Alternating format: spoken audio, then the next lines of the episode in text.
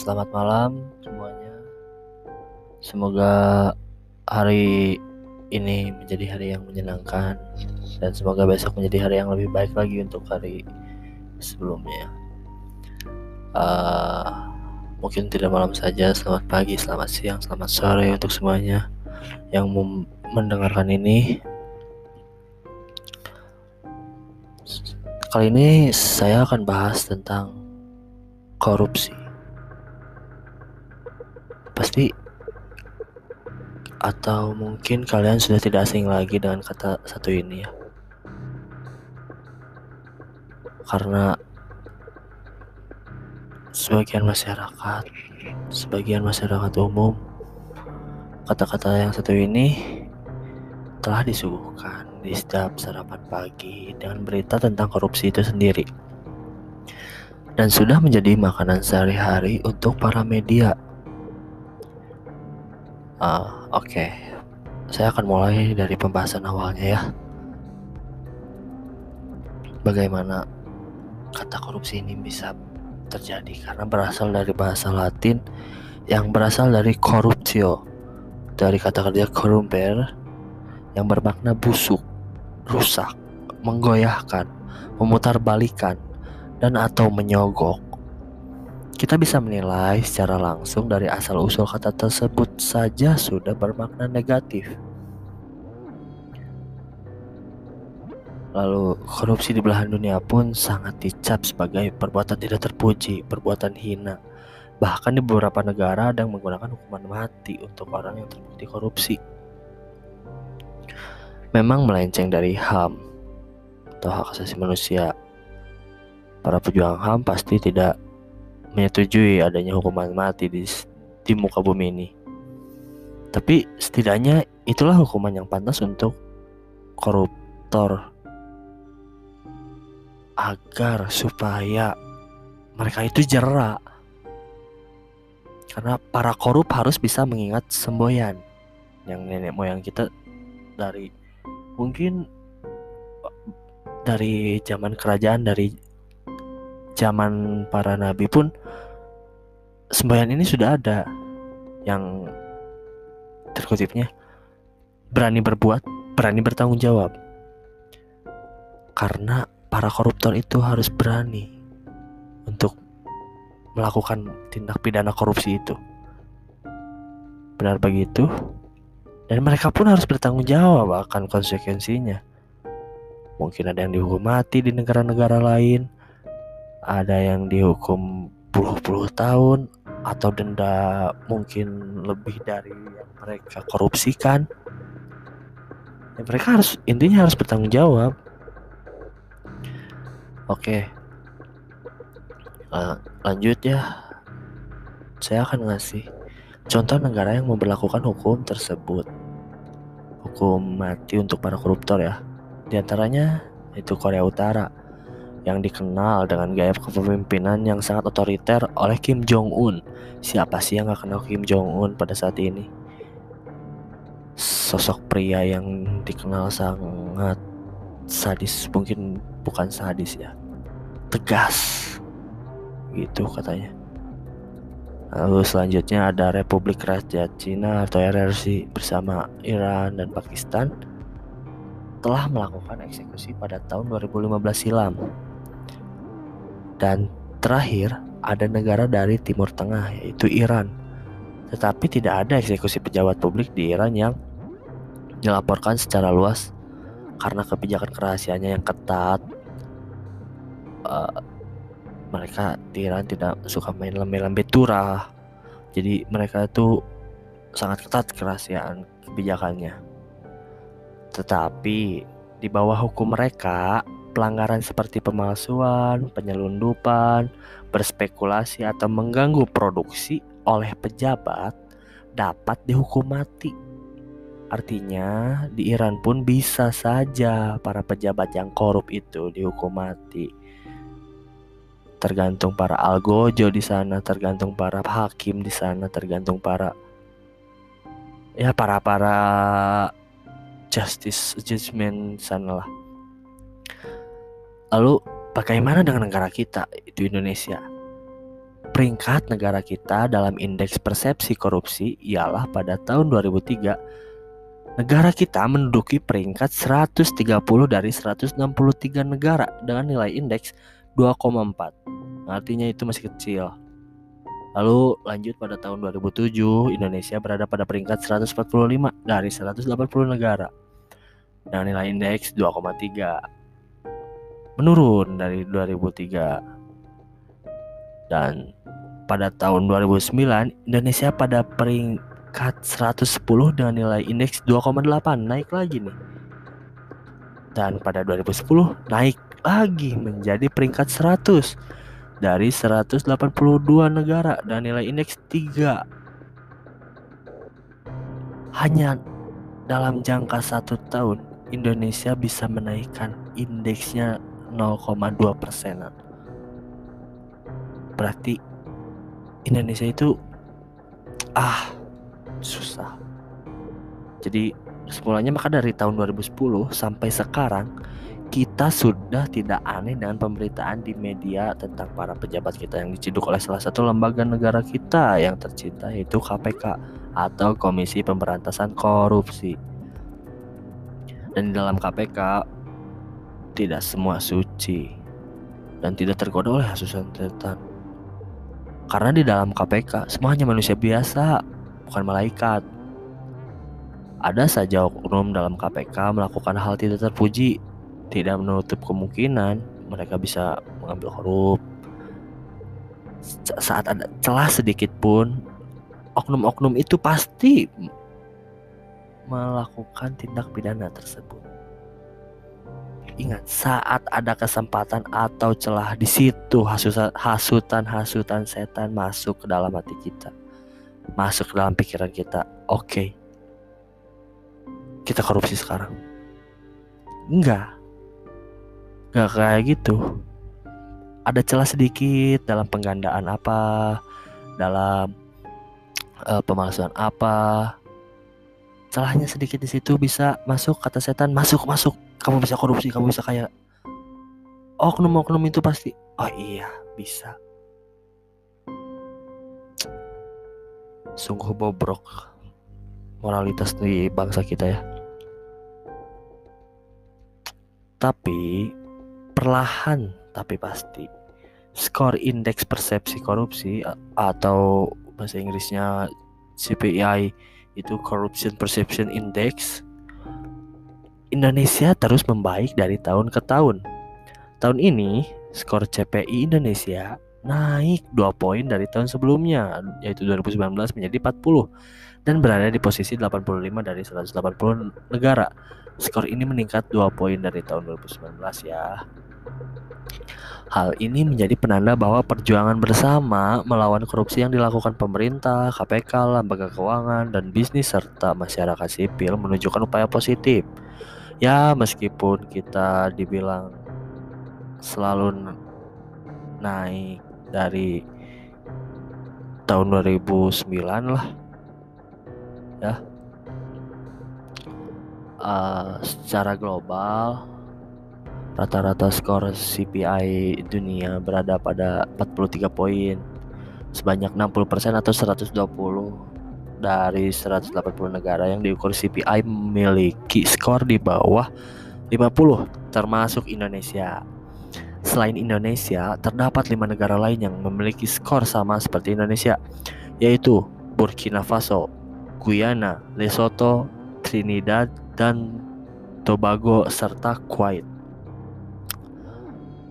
Uh, tapi Indonesia berada di peringkat 4 di antara negara ASEAN setelah Singapura, Brunei Darussalam, dan Malaysia. Di tahun 2019, Denmark dan New Zealand berada di tingkat pertama dengan perolehan skor 87. Disusul dengan Finlandia di peringkat kedua yang berhasil memperoleh skor 86. Sementara itu, Somalia masih berada di posisi terendah dengan perolehan skor 9. Artinya, Somalia itu masih menjadi negara terkorup mungkin ya. Ah, saya juga tidak tidak terlalu tahu lah dan urusan negara orang lain karena saya tidak tidak begitu tertarik dengan urusan negara orang lain. Lantas fakta tersebut menunjukkan bahwa tantangan bangsa Indonesia untuk memberangus untuk menghancurkan korupsi, untuk menghapuskan korupsi masih terus berlanjut. Saat ini, sadar atau tidak sadar, korupsi sudah merasuk ke segala sendi-sendi kehidupan bangsa kita. Perilaku dan tabiat ini sangat susah, luar biasa ditanggulangi. Gimana ya? Jadi ya benar-benar susah lah untuk me apa ya menanggulanginya lagi untuk membenahi lagi karena perlu upaya luar biasa juga untuk memberangusnya dari bumi Indonesia kan susahnya sangat luar biasa berarti upayanya juga harus lebih dari luar biasa uh, kalau apa sih yang harus kita lakukan? Salah satu langkah awal Indonesia untuk menanggulangi korupsi dengan membentuk Komisi Pemberantasan Korupsi ini pada tahun 2002. Lembaga ini sudah memberikan harapan besar pada rakyat Indonesia untuk memberantas korupsi. Dari eksekutif, legislatif, hingga yudikatif pernah merasakan baju khas KPK itu. Meskipun begitu, KPK tidak bisa bekerja sendiri karena lembaga ini hanya terfokus pada korupsi puncak gunung es. Untuk korupsi yang recehan belum tersentuh. Ya korupsi-korupsi kecil-kecilan lah. Ini kan gunung es ya kayak triliun-triliunan, miliar-miliaran. Ya recehan paling juga jutaan, ratusan ribu, bahkan ada puluhan ribu. KPK tidak bisa. Kita harus menumbuhi dari kesadaran kita sendiri. Maka dari itu mempelajari nilai integritas ini sangat penting. Selama kita di rumah. Yang pertama nih ya, keluarga. Karena keluarga itu tempat pertama seorang anak menganyam pendidikan dan pondasi awal dalam pembentukan karakter. Nih, kalau diibaratin sebuah rumah, bangunan yang pertama kali dibuat adalah pondasinya dulu, pondasi rumah. Karena kalau pondasinya yang kuat akan membuat rumah tidak mudah roboh meski diterjang angin kencang. Sama halnya, kita juga harus menumbuhkan sikap jujur, sikap moral baiklah. Karena meskipun uh, ya kita juga harus menumbuhkan iman serta ketakwaan kita terhadap agama lah. Karena meskipun ada godaan setan, godaan apa pun, kita diterjang oleh godaan-godaan seperti itu, kita tidak akan mudah roboh karena kita sudah mempunyai pondasi yang kuat seperti kejujuran, iman dan takwa kita. Lalu di rumah juga merupakan penanaman ideologi seseorang terbentuk pertama kalinya. Oleh karena itu, keluarga menjadi alat yang sangat efektif dan sangat fundamental dalam menumbuhkan budaya anti korupsi di Indonesia. Karena kalau bukan kita siapa lagi? Karena kalau bukan orang tua siapa lagi? Apakah teman-teman teman-teman hanya bertemu sesaat sekilas Jadi yang sangat efektif itu hanya di keluarga untuk menumbuhkan budaya anti korupsi. Kita harus membiasakan dengan dengan uh, ya sikap-sikap baik lah. Kita juga harus mendekatkan diri kepada Sang Maha Pencipta karena mau bagaimanapun kalau iman kita kuat, apa pun yang menjadi godaan itu kita tidak akan mudah goyah. Karena agama itu eh karena Islam itu sebagai tiang agama tiang iman oke okay? kalau di agama saya sholat sholat itu sebagai tiang agama karena kita kalau sholat selalu dikuatkan imannya. Mau melakukan apa pun ingat kepada Tuhan yang di atas. Balik lagi ya kepada mempelajari nilai integritas selama di rumah gitu. Sayangnya cukup disayangkan, cukup disesalkan. Di Indonesia masih banyak keluarga yang tidak menerapkan pola asuh anti korupsi ini dan kesederhanaannya dalam rumah. Hal ini terlihat sangat jelas dari budaya korupsi berbagai versi. Budaya korupsi versi lain ini justru diajarkan orang tua yang mungkin tanpa mereka sadari. Mereka mendahului dengan seringnya mengajari berbohong terhadap anak-anaknya.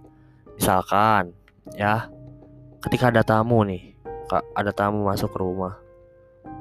Si anak tuh disuruh mengatakan bahwa ayahnya tidak ada di rumah. Padahal jelas-jelas ayahnya ada dan bersama anaknya itu di rumah. Karena ayahnya itu takut mungkin ada debt collector, ada ya penagih utang atau lita darat itulah. Atau ada keperluan yang mendesak karena ayahnya itu berbohong juga. Anaknya pun diajarkan membohong. Itu yang salah atau contoh yang lain. Misalkan anak sedang menangis anak kecil sedang menangis nih. Wah nangisnya sangat-sangat super lah mungkin ya lalu orang tuanya akan berbohong untuk menghentikan tangisannya. Mereka berbohong diam udah jangan nangis lagi. Itu ada uh, kakek-kakek itu ada ada hantu itu ada apa ada apa ada apa. Karena perilaku dan kebohongan-kebohongan kecil ini yang justru mengajarkan kepada anak bahwa bohong itu hal yang biasa dan diperbolehkan. Justru hal yang seperti ini harus dihindari kita dari dini lah. Upaya dalam melakukan pemberantasan korupsi tidak hanya memotong tindakan yang terlihat saja, seperti yang saya tadi sebutkan, tapi juga harus melakukan gerakan sosial yang luas, sehingga mengarah pada perubahan sosial budaya. Budaya kita di rumah diajarkan membohong, lantas ke depannya juga akan terus-terusan membohong.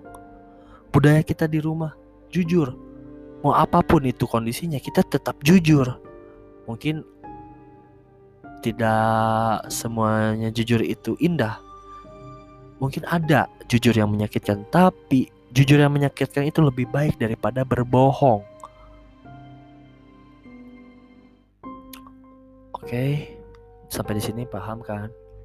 Karena tujuan akhirnya bukan hanya perubahan sikap dan perilaku individu dalam masyarakat luas, akan tetapi juga mampu memunculkan tatanan sosial yang baru dan bebas dengan korupsi. Enak kan kalau sebuah bangsa, sebuah negara, sebuah peradaban itu bebas korupsi, mempunyai tatanan yang baru. Enak kan hidup damai, tentram, sejahtera. Kita tidak perlu dipusingkan lagi kita ada korupsi itu ini itu. Berita pun mungkin akan memberitakan tentang hal-hal yang indah lagi tidak seperti saat ini ya oleh karena itu, kita harus bisa menumbuhkan rasa tanggung jawab, rasa ingin memperbaiki diri sendiri, introspeksi diri, rasa ingin uh, keadilan harus ditumbuhkan sejak kini. Dan keluarga mampu menjadi garda utama dalam pencegahan anti korupsi, terutama ibu untuk para ibu-ibu ya. Berbicara korupsi bukan hanya berbicara tentang uang, tetapi perilaku koruptifnya jadi peran. Ya, ingat lagi, perilaku koruptifnya jadi peran. Bukan hanya uang. Keluarga di sini adalah menekankan pada nilai-nilai hidup yang merupakan nilai-nilai anti korupsi sehingga diharapkan nantinya Ketika keluarga menerapkan edukasi anti korupsi pada anak-anak sejak dini, maka nantinya nilai dan norma yang tertanam akan terus dipegang dan dilaksanakan sampai ia dewasa. Karena dalam hal ini, keluarga terutama orang tua ya, ingat yang bakal jadi orang tua yang sudah jadi orang tua dan punya orang tua juga diharapkan mampu untuk terus menjalankan fungsi keluarga seperti fungsi sosialisasi nilai, fungsi afeksi, dan fungsi identitas sosial. Karena ketiga fungsi ini dirasa sangat penting untuk menjadikan generasi Indonesia di masa yang akan datang menjadi generasi yang jujur. Tanamkan nilai kejujuran sejak dini kepada anak Anda, kepada adik Anda, kepada saudara Anda yang masih belia, masih kecil. Tanamkan nilai kejujuran untuk mencegah korupsi itu, untuk menjadikan anti korupsi. Sikap anti korupsi ini harus ditanamkan kepada anak sejak dini. Lalu pendidikan anti korupsi juga bukan hanya diterapkan di lingkungan keluarga, uh, bukan di lingkungan keluarga aja ya. Harus diterapkan juga di lingkungan sekolah di lingkungan masyarakat.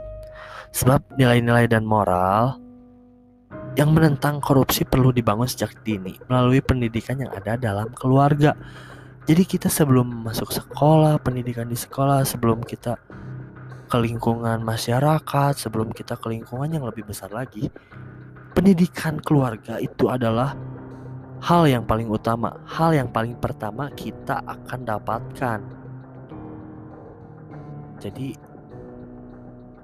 tanamlah rasa kejujuran dalam diri Anda sejak dini.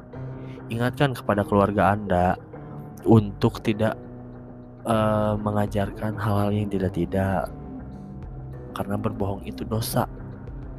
Apa pun ajarannya dalam agama apa pun, berbohong itu dosa. Oke, tidak ada alasan untuk berbohong demi kebaikan. Yang ada juga jujur untuk menjadi yang lebih baik. Oke. Jadi kesimpulannya tanamkanlah nilai-nilai moral yang baik kepada anak kita sejak dini. Korupsi, nepotisme, kolusi tidak perlu kita pikirkan tentang kasus-kasus yang terjadi di luar sana. Cukup pikirkan diri kita sendiri apakah kita mampu membangun nilai-nilai kejujuran dalam diri kita sendiri. Dan kita pun tidak hanya harus berpikir mampu atau tidak, tapi laksanakan, realisasikan untuk menjadi pribadi yang lebih baik lagi. Oke. Okay? Saya Ananda Raka pada tanggal 2 mau menjelang ketiga saya cukupkan untuk uh, saat ini mungkin akan ada tema-tema yang lain lagi yang akan saya bahas ya tunggu saja kelanjutannya terima kasih kepada pendengar-pendengar saya yang setia uh, Sekali lagi saya ucapkan terima kasih dan selamat malam. Jumpa di lain dimensi.